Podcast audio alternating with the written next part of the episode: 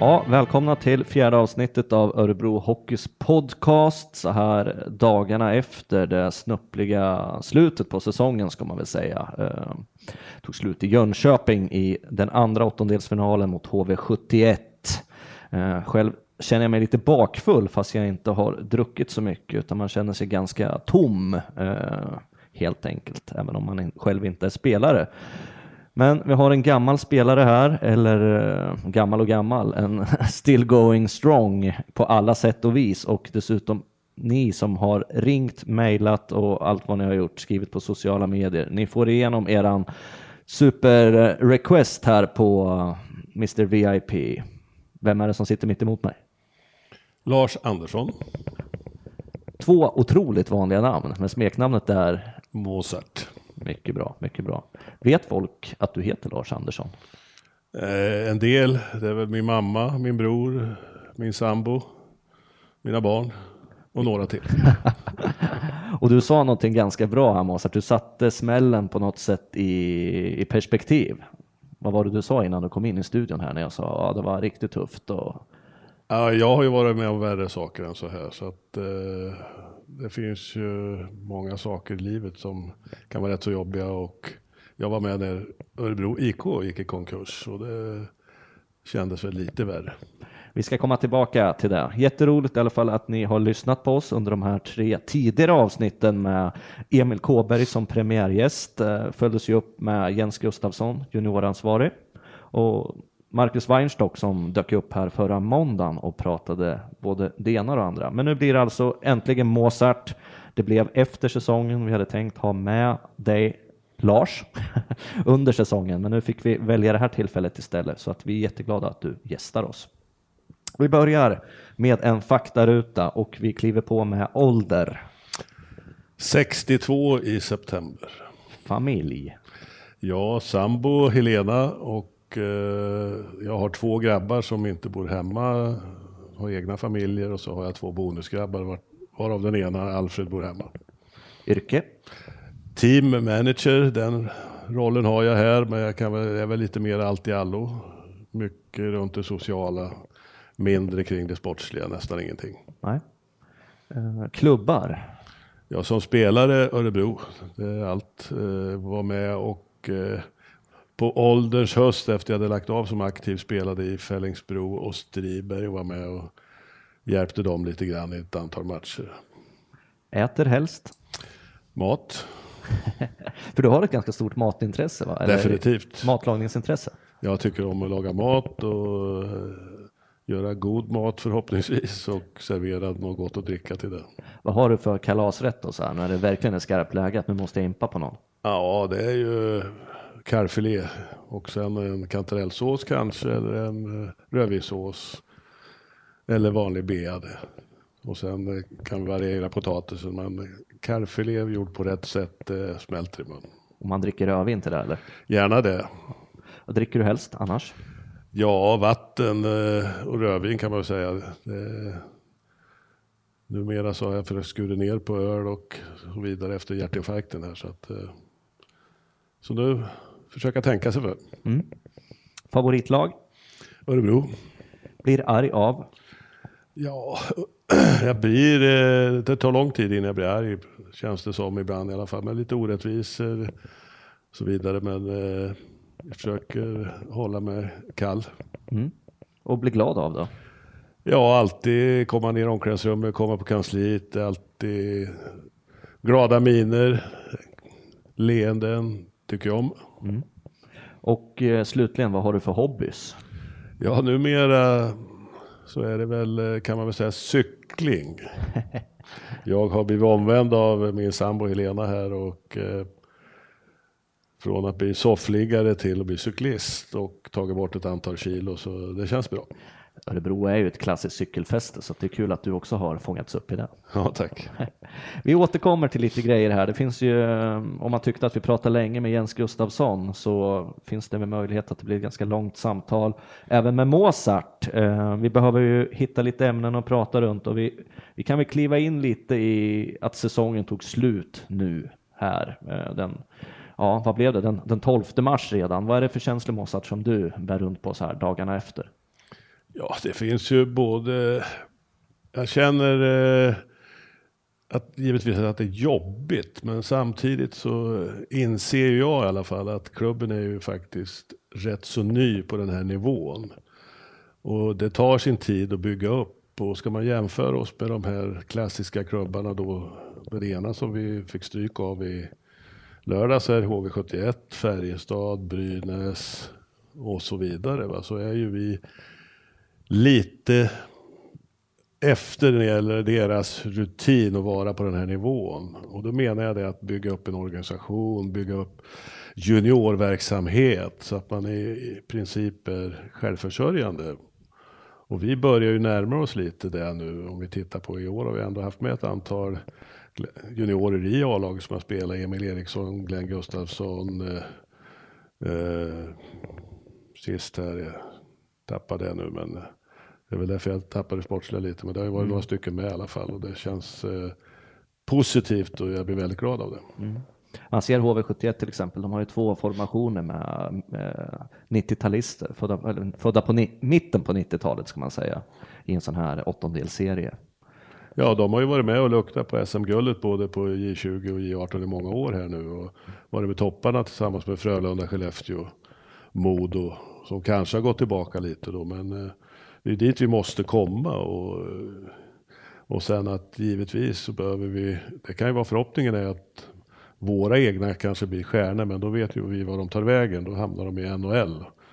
Och därför måste man kanske då plocka stjärnorna utifrån och göra det så att det passar in på våran modell här helt enkelt. Mm. Hur summerar du året annars då? Vi klättrade ju upp och blev åtta till slut. En ganska bra placering ändå om man tänker eh, på den korta tid som vi varit med i SHL. Ja, om man tittar på att eh, vi har haft lite oflyt i lagbygget här med de nyförvärven som har kommit och kanske inte har riktigt presterat som de skulle. Och, och det är ju den risken man tar när man värvar spelare. Man har inte riktigt insyn i vad som händer innanför deras pannben. Vad, vad, hur tänker de? Vad tycker de om att komma till Sverige? Det här är att någonting de ska bara ha det skönt några år och så vidare. Va? Så det, det är den den svårigheten som man har som sportchef när man ska då försöka lista ut vad är det för killar som kommer hit. Mm.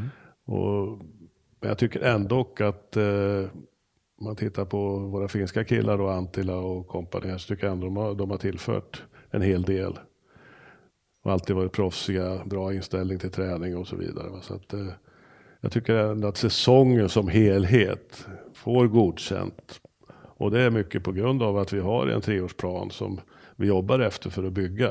Och eh, det vi vill är att fortsätta bygga det här då tillsammans med våra partners, med våra spelare, med våra supportrar för att bli ett topp tre-lag. Och det finns ju alla chanser och det är ju bara det att nu gäller det att spotta nävarna, inte glömma men eh, ta nya tag och gå in med ett positivt seende på det här nu och, och verkligen se möjligheterna framför oss. Mm. Om du får önska fritt, nu är inte du så sportsligt engagerad i klubben på det sättet, men vad skulle du önska i lagbygget till nästa år? Eller är det mer inställning och, och de bitar som du trummar med på? Nej, jag ser väl helst att eh, jag skulle gärna vilja se en eh, Henrik Lövdahl skadefri.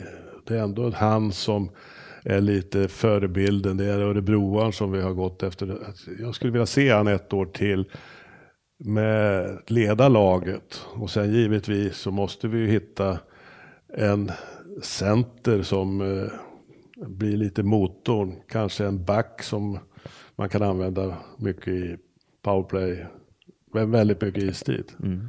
Men det är ju så att det är 14 lag till eller 13 lag till som letar efter honom och dem. Så att, eh, vi har haft starka kort där med både Daniel Sondell och eh, Derek Ryan. Ja, Derek Ryan hade vi ju och uh, Derek Ryan, liksom, hur, hur, jag tänker hur, hur hittar man hittar man en sån bingospelare om man får se, se det utifrån? Man plockar upp han i österrikiska ligan som ändå för många är en ganska anonym liga. Han gör supersuccé, vinner poängligan och försvinner iväg. Liksom. Uh, någonstans känns det som den rekryteringen lyckas man kanske med mycket mer sällan än vad gemene man tror. Mm. En gång var tionde år eller något sånt där. Jag vet inte, vad, vad är din känsla? Ja, det är klart att han var ju otroligt skicklig under grundserien förra året. Fick ju det lite tuffare i, i slutspelet där man då får höja nivån lite och där man kan gå in och plocka bort spelare på ett helt annat vis. Men givetvis så var han grymt duktig här och gjorde mycket assist, mycket mål och var ju framförallt en han kunde göra saker och ting för att förlösa laget när man inte spelade kanske så bra. Han kan göra en dragning och dribbla sig igenom och sätta ett solomål som han gjorde vid ett antal tillfällen och, och få släppa loss publiken och, och så vidare. Så att, men jag tycker ändå att eh, en av de bättre värvningarna som Pontus har gjort är Brian Wilsey. Som kanske inte var den spektakulära spelaren, men jag tror att mycket han var karaktär. mycket karaktär och var otroligt viktig i omklädningsrummet. Mm.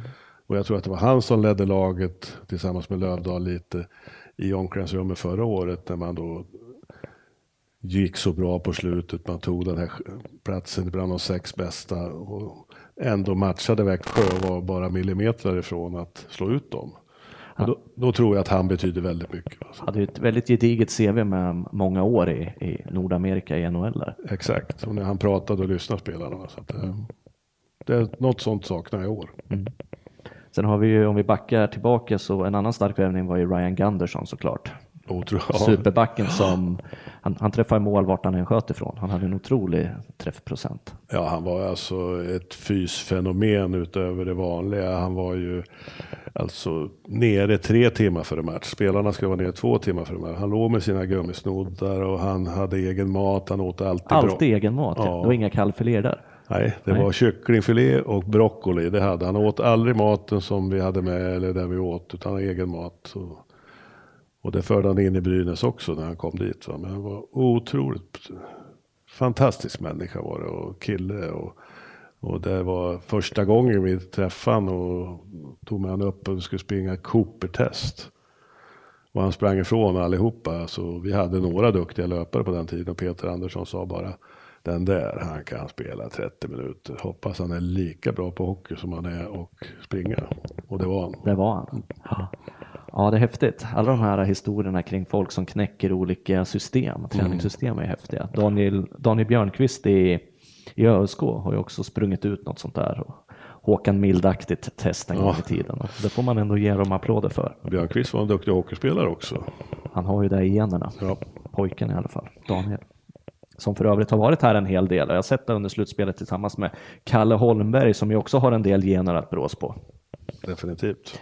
Mozart, Eh, du får dricka lite vatten där och fixa till rösten. Vad, eh, om vi tänker så här nu, du har ju börjat cykla. Ge oss en återblick. Vad, är det viktigt att göra andra saker och inte fastna i hockeybubblan hela tiden? Eller? Ja, definitivt är det väl så att man behöver ha någonting vid sidan om och gärna då att man har andra vänner och får andra infallsvinklar på livet och man pratar om andra saker än ishockey. Och sen är det väl en konst också kanske att kunna koppla ifrån och jag är väl inte riktigt sån egentligen för jag känner väl eh, ibland lite för mycket ansvar kan jag tycka som alltid har mobiltelefonen på 24 timmar om dygnet, alltid är kontaktbar. Och det är väl jag vet inte om det är en styrka eller en svaghet, jag kan inte svara på det. Men eh, jag tror det är jätteviktigt att göra någonting annat och hitta ett umgänge helt enkelt. Det har jag gjort genom Helena och cyklingen här och vi har en grupp.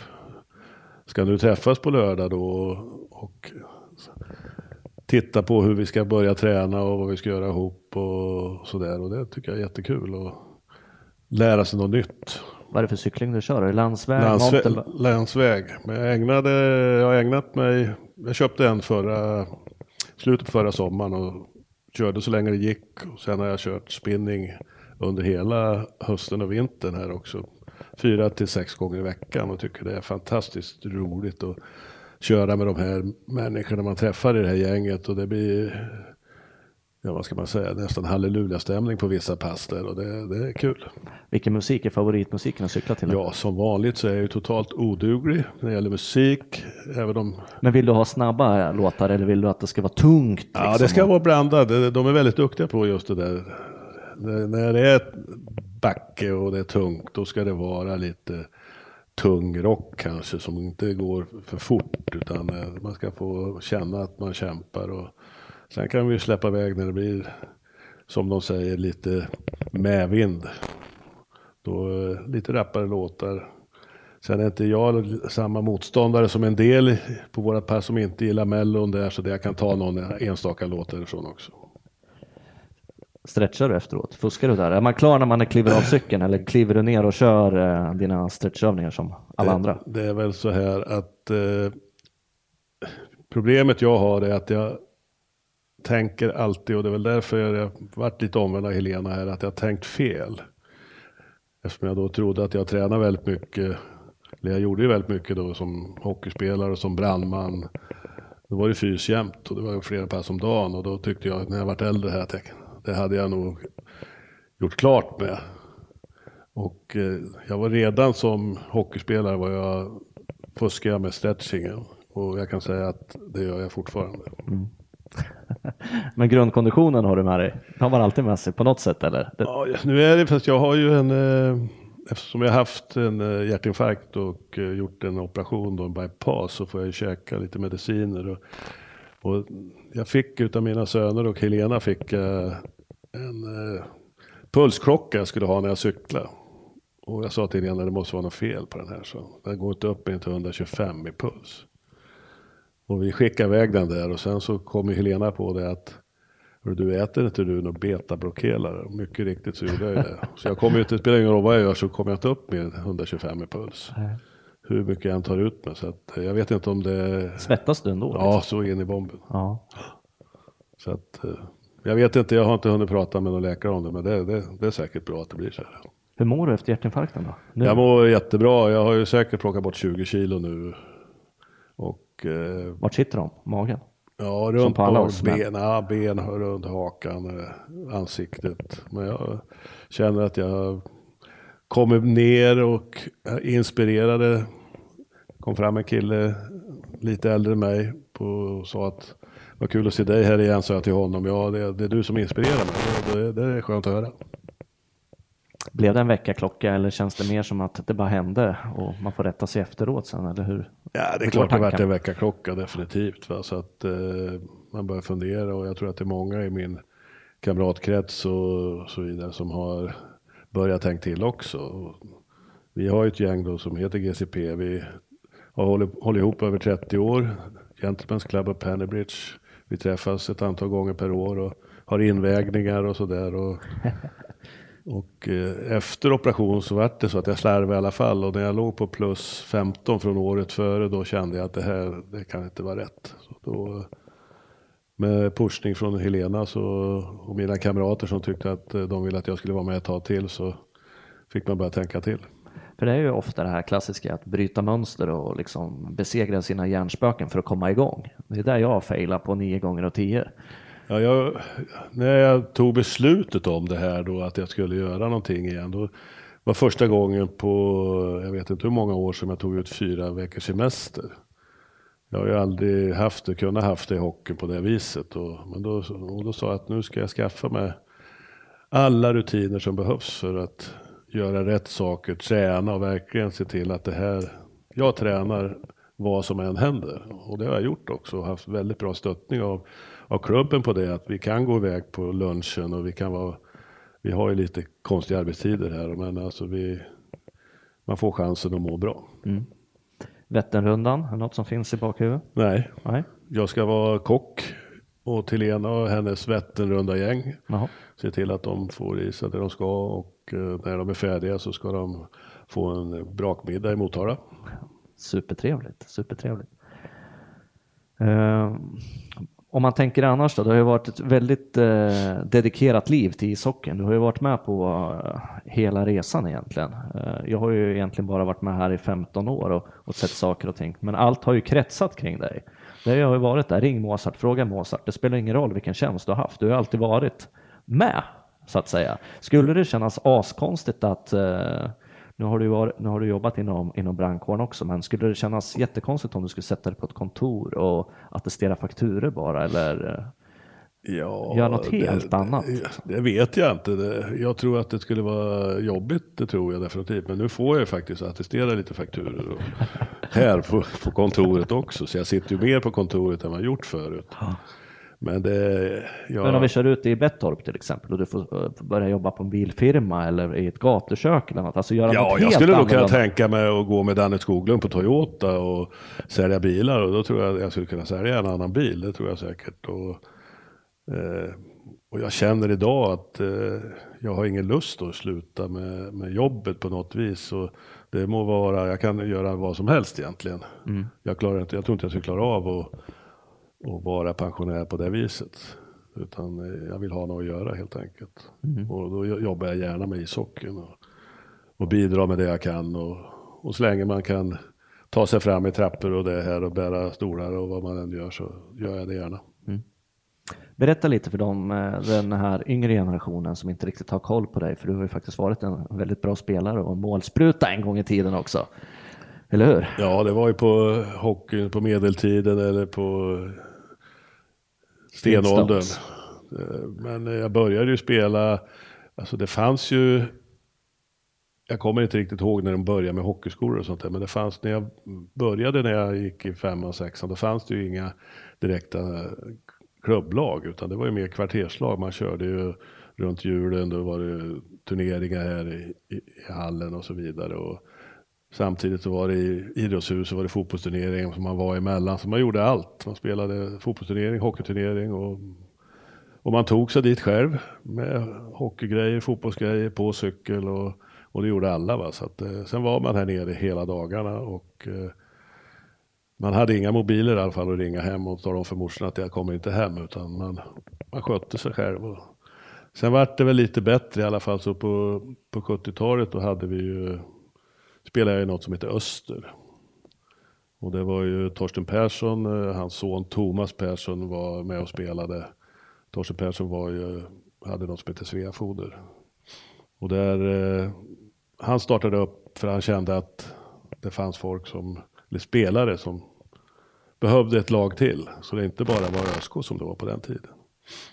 Och vi slog väl ÖSK vid någon junior-DM-final där. Det var jag och Anders Nylén och Göran Ignell Knubb som sedermera ja, varit landslagsspelare, Vikingarna och så vidare, spelade i Södertälje. Vi var ett antal spelare där som vi slog Nalle och kompani i finalen och eh, roligaste minnet därifrån var väl att Nalle fick mopeden inlåst och fick inte använda den. Men han lurade Kalle Axel pappa genom att klättra ut genom fönstret och ta den där moppen i alla fall och åka iväg. Så att. Och, eh, sen plockades vi upp eh, i ÖSK.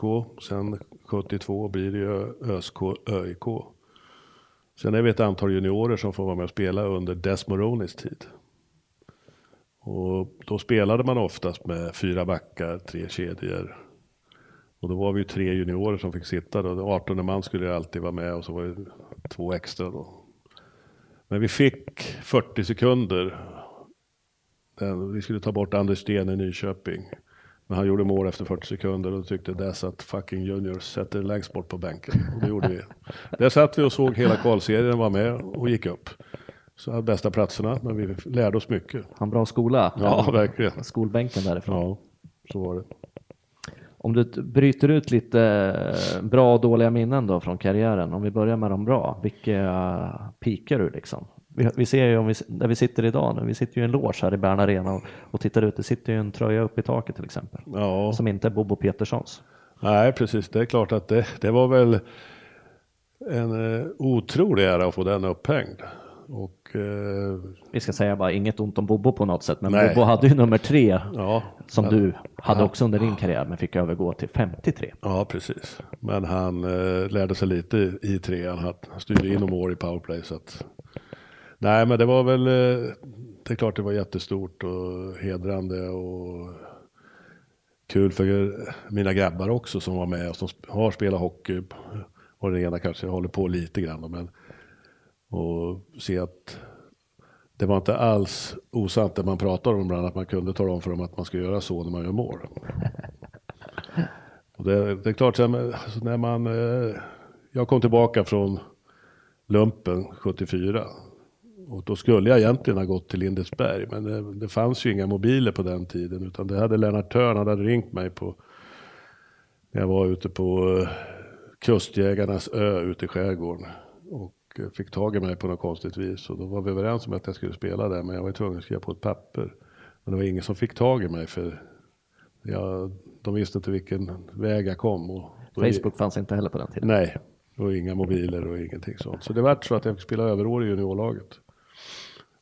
Eh, var alltid nere i, i gångarna här och pratade med Ivan Aronsson och frågade om det fanns någon, om de hade någon som var sjuk idag. Så jag fick vara med och träna varenda gång. Alltså jag var inte med i A-lagstruppen. Men de som inspirerade mig mycket var ju då Knubb och Nylle och de här som hade tagit plats. Så att eh, det var kul att få börja jobba sig in där. Och Sen spelade jag tre matcher på slutet av den säsongen. Mora, Djurgården tror jag var. Och spelade som back. Och eh, sen kom Kjellén och tog över året efter. Och då gjorde han om mig till forward. Och eh, hade en tung säsong fram till kvalserien. Då började lossna allting och jag gjorde en hel del mål och vi gick upp då. Och det, Sen vart det det att jag varit forward och jag varit klubben trogen. Och det beror på att jag fick jobb 1980 på brandkåren. Och då kände jag att med min gedigna grundutbildning med nio år i grundskola att det kanske inte räckte att flytta någonstans. Nu hade jag ett jobb i alla fall och jag kunde. Då kände jag att det får bli så. Mm. Och det har jag aldrig ångrat. Ser du dig själv på något sätt i Lövdal idag som eh, personifierar klubben på väldigt många sätt och varit lojal i alla år? Ja, vi är väldigt olika som människor, men alltså på samma... Han har ju haft fler erbjudanden än vad jag hade egentligen att flytta. Och sen har han kanske varit i skeden i livet som det gäller att välja också när det gäller, han gick utbildning som lärare och familj och allt det här. Så att han har väl gjort sina val och förhoppningsvis känner väl som jag att han har gjort rätt. Så att, eh, men vi är, vi är ju nog väldigt lika på just att vi är örebroare. Mm. För idag är det ju ovanligt att man får de här personerna att stanna så pass länge. Det är så mycket som drar igen och stickar redan i tidig ålder så att säga beroende på vilken skolning man väljer att satsa på. Ja, så är det ju definitivt. Att, eh, det är ju Många skaffar sig en grund i livet genom att tjäna lite pengar på det här med hockeyn. Men samtidigt så hoppas jag att de tänker, tänker lite längre också.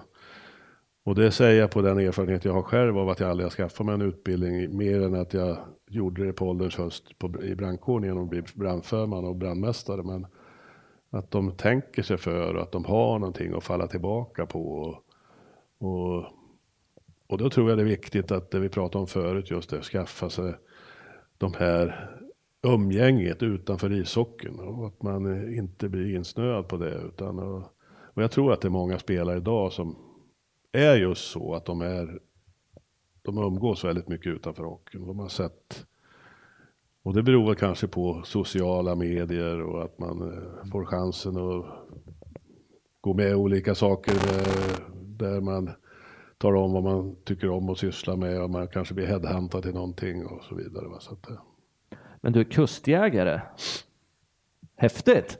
Det var en. Jensa Gustafsson skakar till lite som eh, med sina FN-meriter här. Ja, han var väl eh, fick ju ändå åka utomlands. Jag valde ju inte det. Jag hade väl haft chansen kanske, men eh, jag hade några kamrater som gjorde det. Och, men kustjägare var ju ett det var ju en upplevelse utöver det vanliga. Jag tror aldrig att jag har eh, träffat så dedikerade människor som eh, gränsen till eh, tokigheter, hur de fick oss att göra saker. Vad var mest extremt då liksom? Berätta. Ja, vi hade efter, du hade ju en utbildningstid där som de sa, man grundutbildningstid där som varade i, från när vi ryckte in sista augusti så skulle den vara fram till jul.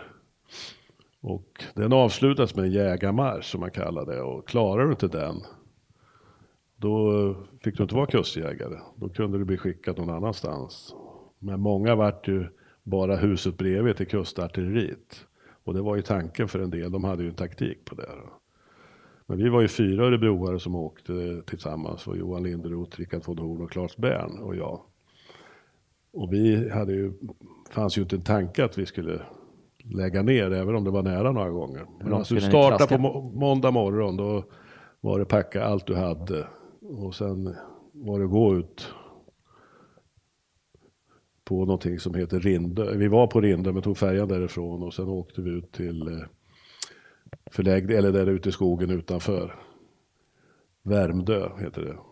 Och där så gick vi runt i fyra dagar utan sömn med tokiga befäl som hittar på massa galenskap. Och, och sen då så avslutades det så att man kom hem dagen före Lucia.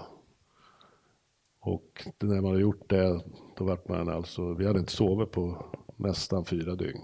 Man hade väl haft någon sån här mikrosömn någonstans på något gärde eller i något tält i fem, fem minuter, sen skulle man packa ihop det igen och så vidare. Men eh, personligen så fick det mig att mogna som människa. Lärde sig att hålla ordning på grejer när man bäddar sängen hyggligt idag tycker jag. Man eh, har ordning på strumpor och kalsonger och allt det där och slänger inte tvätt på golvet överallt. Och, utan man ser till att den är där den ska vara. Mm. Och jag tror att det var en, eh, en bra start på vuxenlivet. Att gå igenom det där. Mm. Sen får de nog säga vad de vill folk, men jag, jag tror att det skulle behövas. Du, om man flyttar över till hockeyn igen, vi pratar om bra minnen, ÖIK-konkursen där, vad eh, så här idag känner du liksom när du tänker tillbaka? Hur upplevde du?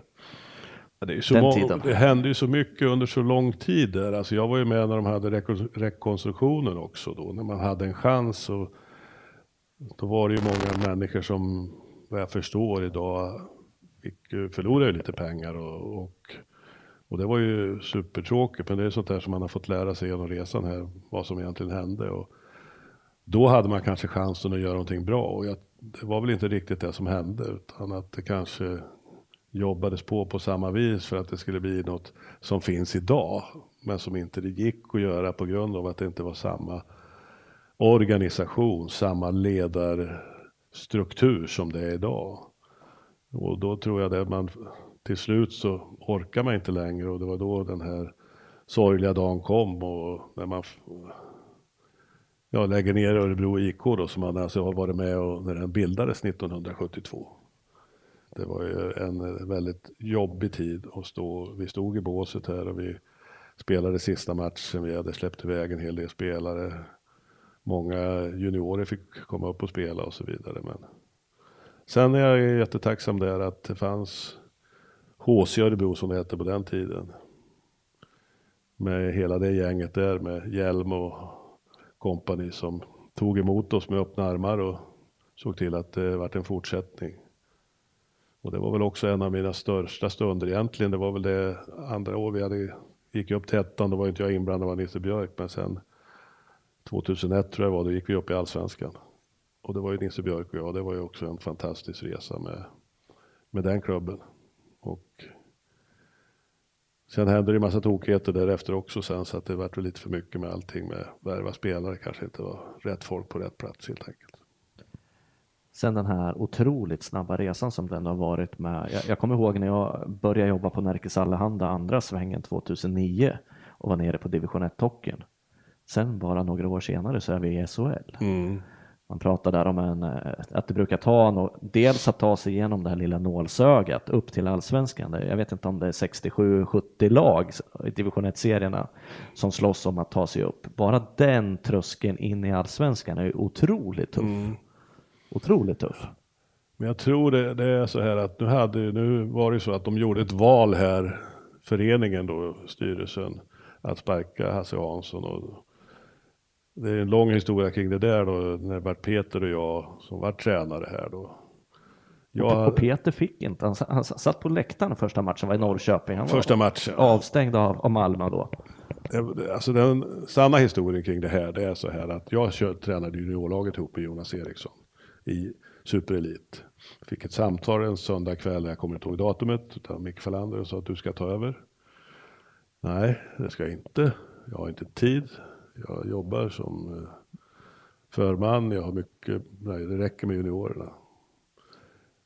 Sen var Peter i stan i den vevan och sen har han och Falander, det är vad jag tror i alla fall, kokat ihop någonting där. Så att Peter ringer mig på måndagen och kommer och fika på brandkåren för han sa jag är på väg hem. Och så säger han att du sa, ska vi inte ta över det här? Nej, sa jag, det går inte. Ja, men jag sköter allt. Jag sköter träning, du fortsätter coacha, du sköter allt runt omkring som vanligt med allt det här som ska göras. Jag tar helt ansvar för isträningen.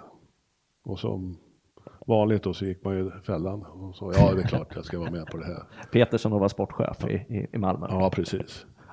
Och, eh, och då var Jonas Eriksson som var då, han hade ju ett eget företag att sköta, byggföretag. Och, och han tog över och hjälpte, hjälpte oss då och tog över juniorerna själv där.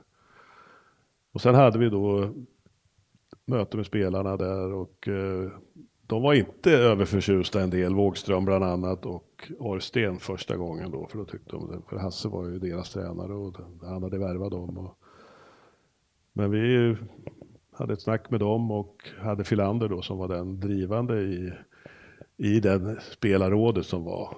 Och han var överförtjust och fick till slut då insåg eller fick med sig de andra och vi fick göra en del förändringar vi körde träningspass när materialarna kom och frågade vad har ni gjort? Vi måste tvätta tröjorna, det har vi inte gjort förut.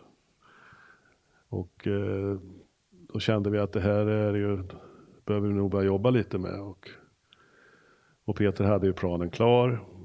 Och Falander var ju den som var, var ju väldigt engagerad, ville vara med och bestämma och fick väl vara till viss del.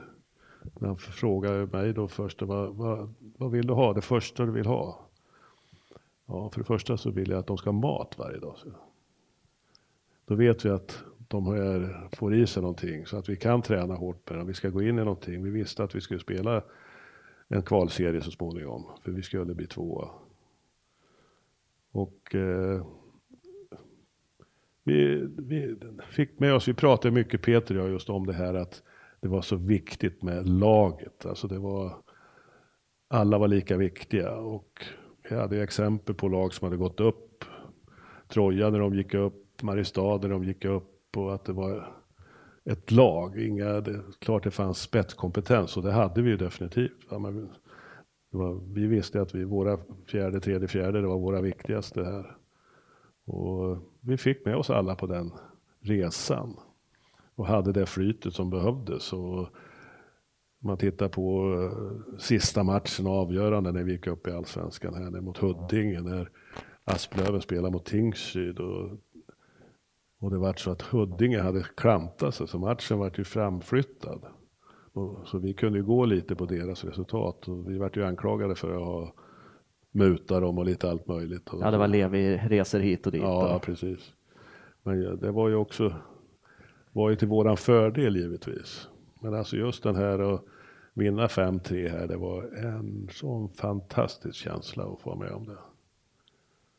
Och det är en av höjdpunkterna definitivt i min hockeykarriär. Och sen är det ju en som är kvar och den var ju också tillsammans med Peter och då skulle jag egentligen inte ha varit med i båset men de ville göra en förändring och, och då kom jag med då som ja, Peters andre man. Och, eh, Sen vad det hade för inverkan det vet jag inte, men vi gick upp i alla fall och det var ju också en Uträknade var ni också i det läget. Det var ja, inte den här självklara, ska man säga, pressen ska man inte säga, men året innan var det mera tydligt att det kanske är dags nu, även om man brukar säga att om mm. Lex Växjö, att man behöver tre Ja, men jag tror det, det kommer också det här in på det här med laget, alltså när det vart, det vart ett lag av dem helt plötsligt. Vi hade ju oflytet med eh, Jared vart ju skadad och sen hade Patrick eh, Jetman, ja. Jetman skadat sig mot Bofors och var ju helt borta han också.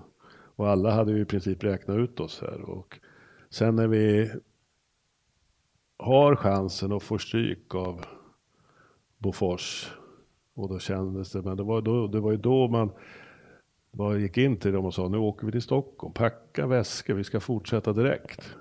Vi ska upp till och spela mot Modo i kvalserien. Så Ni behöver inte vara oroliga. Och vi visste ju saker och ting att Bofors hade haft jätteproblem, hade aldrig vunnit mot Oskarshamn. Så vi, man spann ju på det. Men det var tre killar, Silva en av dem han hade inte packat med sig någonting så han fick köpa allting på vägen upp, kalsonger och tandborste. Men de andra hade packat väskorna och eh, slog Djurgården och fick fortsätta och Bofors fick stryk. Det var ju helt fantastiskt. Sen kändes det som efter den matchen där uppe i Modo när vi, tror, fick vi en poäng. Jag tror vi tog en mm. poäng. Mm.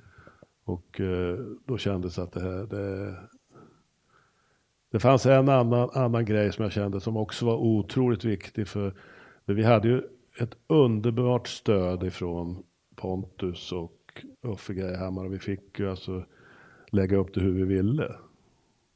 Nu hade ju då, får vi komma tillbaka till sen, och de hade kommit in i bilden här också. Så att, eh, men just det här att när vi spelade i den här playoff-serien eller vad man kallar det, när vi hade Oskarshamn här. Sen skulle vi spela dagen efter i Oskarshamn där det vände. Och när vi svängde in i Söderköping, för vi åkte direkt efter matchen och la oss i Söderköping. Då var klockan före midnatt. Då kom Oskarshamns buss och vi tutade på dem och vinkade till dem. Då åkte vi in och la oss. Då hade de över två timmar kvar. Och vi visste, killarna förstod att de, de kommer inte få sova på ett tag. Psykologiskt redan där? Ja, definitivt. Mm. Vi vann enkelt där nere. Mycket handlar ju om när man är på den här nivån, det är ju detaljer och förberedelser. Kan mm. man lägga nog fokus på det? Nej. Du, du, är ju en sån person själv som är delaktig väldigt mycket i det här. jag är ju jag är inte så modern som uh, Jens Gustafsson var ju tanken när han kom hit att han skulle vara den videocoach, så han vart ju det. Nu är det ju Tornberg och Ivarsson som sköter det. Och förut var det Zetterman och Ålund. Och jag har ju problem just med det här med det här tekniska med datorer och sånt där. Och eh, lär mig mer och mer. Och, eh, så det, men just det här att se hur motståndare spelar. Vad är deras svagheter? Vad är deras bästa sidor? Hur äter vi? Hur tränar vi? Hur såg det ut förra året? Hade vi, gjorde vi det här? Ska vi kanske... Det tror jag är otroligt viktigt och det har vi ju. Alltså vi har ju tränartrojka som är jätteduktiga. Men spindeln i nätet där är ju Mattias Mattsson som är ju som bygger upp killarna som ser till att de får rätt saker i sig och har koll på det. Och sen är det aldrig lätt att få dem att, att äta jämt och ständigt för att eh, även om de vill förstå så gör de det inte ändå känns det som. Att det, det märks ibland på att det är viss mat som är kvar och att man inte äter. Och om det beror på att man ska vara fin till sommaren eller vad det är, det vet jag inte. Men det, där måste vi kanske bli ännu bättre. För de är ändå anställda av Örebro Hockeyklubb och, och där måste vi bli tuffare. Du har ju fungerat eh, de senare åren nu, eller egentligen hela tiden parallellt också, som någon form av, vad ska vi kalla det för, femstjärnigt hotell, en serviceinstans i klubben. Du har ju varit, eh, sett till att folk får lägenheter. Eh, vad är det mest extrema du har gjort i behjälplighet? Har du suttit barnvakt, varit hundvakt, lagat mat åt spelarfruarna? Liksom? Var... jag har ju varit med, det var ju Ben Walters fru, henne var jag med hos barnmorskan. Och, eh, Spelade Ben match då eller var? Han var på träning. Var på träning.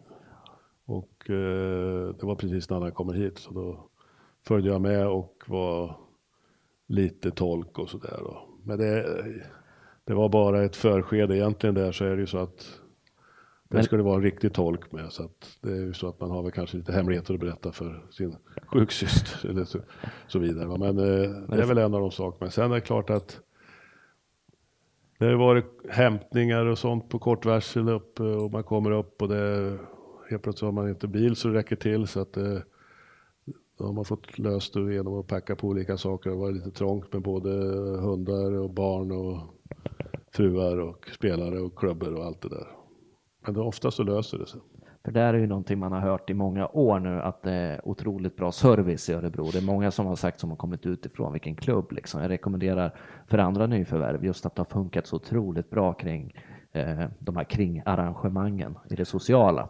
Det är väl det, det är väl därför man ju tacka Pontus och Geihammar för just det här att, att de låter mig ha kvar den här tjänsten. Det är ju egentligen en sportchefstjänst i grunden då, utom det sportsliga nu då, men att man får göra det här. Jag tycker det är jättekul. Jag har inga, det är ju mest fantastiskt. Man kan se glada människor, man kan skaffa fram lägenheter, man ser till att det funkar socialt och det är otroligt viktigt när man kommer med de har med sig flickvänner, de kommer från Slovakien och eh, Tjeckien, och Kanada, USA och vad det nu är. Alltså komma till ett helt nytt land och att då ska de känna sig välkomna. Och, och det har vi ju, det är ju inte bara det jobbet jag gör utan vi har ju en klubb som är fantastisk och framförallt så har vi spelare och spelarfruar som utav de som har varit här som tar hand om ja, sina kamrater också och tar in dem direkt så att man känner att vi är välkomna när de kommer hit. Vi hade ju en intern match här för några veckor sedan för, för spelarfruarna till exempel, ja, bara en sån sak. Vi ska avrunda nu. Vi har pratat i över 45 minuter med legendaren Mozart Andersson. Är, är det någon som kallar dig Lasse förresten? Ja, det är någon enstaka. Bara för att jävlas? Eller för... Nej, de tycker väl Lasse är snyggt kanske. Det känns, känns som Lasse. Hur ser din tid ut nu Mozart? Nu är eh, säsongen över för, för laget. Vad gör du fram till säsongen sparkar igång igen? Jag avvaktar väl lite med eh, besked ifrån eh, Pontus, sportgruppen, vilka som ska bli kvar, om det kommer några nya spelare, var de kommer ifrån, vad måste jag börja med för pappersjobb, vad är det som krävs i lägenhetsväg, hur många är de i familjen och så vidare och så vidare. Det är väl det och sen eh, för jag har ju redan gjort lite på grunden av nästa års resor eftersom vi vet preliminärt hur det ska se ut. Och eh, så att jag ligger långt framme där känns det som. Förhoppningsvis då så ska, ska det här med spelarna kunna vara klart i i maj någon gång. Antar att de ska hit och visa upp sig och vara här någon vecka och köra tester och så där och kunna presentera lägenheterna då och visa var de ska bo och så vidare. Så att, eh. Hur varierar önskemålen kring lägenheter till exempel? För ja. det kan ju, antingen kan, man ju komma ensam. Ja. Eh, sen finns det de som har tre barn med sig, fyra hundar och Det är ju det lite. Sambo. Du måste försöka hitta, nu har jag ju ett antal, vi har ju ett antal lägenheter i klubben då som vi använder. Men samtidigt så kan det ju vara önskemål och om man nu har hundar, om man inte vill bo mitt i stan och sådär, får man försöka lösa det då. Så att, eh, och vi har ju haft turen och kunnat lösa det. Och eh, det beror mycket på att eh, du måste känna rätt folk och att du måste ja, ha de kontakterna helt enkelt så att eh, man kan hyra i andra hand och så vidare. Och och de som känner för Örebro Hockey att de vill vara med och hjälpa till. Det är mm. väl mycket sånt. Mm. Har du några resplaner eller andra planer för sommaren eller blir det bara cykel? Nej, både cykel på hemmaplan men sen ska jag få vara med om någonting som jag aldrig varit med förut. Jag ska få åka med Helena, vi ska åka med Örebrocyklisterna till Mallorca. Oj, kuperat? Kuperat, men jag tror jag håller mig till Magnus Bergdahl eh, och kör lite mer raksträckor och stannar och fikar lite mer, men runt 4, 5, 6 mil kanske. Vi kommer inte vara de här extrema bergsjätterna som Helena och det gänget brukar vara. Så att, eh, kanske prova på någon dag, vi får se, men det, det, ska bli kul. Hur funkar det rent praktiskt? Hyr man cykel där nere då? Ja, Helena tar med sig sin då, men jag hyr en där nere. Jag känner att det, det räcker för mig. Och, jag har inte blivit riktigt kompis med min än så han får vara hemma och vila upp sig. Ja. Eh, vi ska avsluta det här fjärde avsnittet av Örebro Hockeys podcast där vi har haft förmånen att ha Lars Andersson, Mozart, mera känd som möjligen, va? Eh, som gäst. Vi får se nästa måndag vem som blir nästa intervjuobjekt här i studion. Fortsätt att mejla in till johan.arvidsson.örebrohockey.se Mozart hade väl 50 mejl tror jag om, eh, som önskemål att bli eh, vårat intervjuobjekt. Tvåa på listan Henrik Lövdahl, lagkaptenen. Trea var ju Marcus Weinstock och Julius Hudacek. Sen har det kommit in lite mera strö strönamn. Så fortsätt peppra på oss, både gammalt, nytt och här och nu, så ska vi se vilka vi kan möta. Podden är också tänkt att leva vidare, åtminstone under någon form under sommaren, så att ni kan få lite trevlig sommarlyssning i solstolarna eller under något regntak beroende på väder och vind. Mozart, stort tack för att du kom. Tack så mycket för att jag fick komma. Det var nära.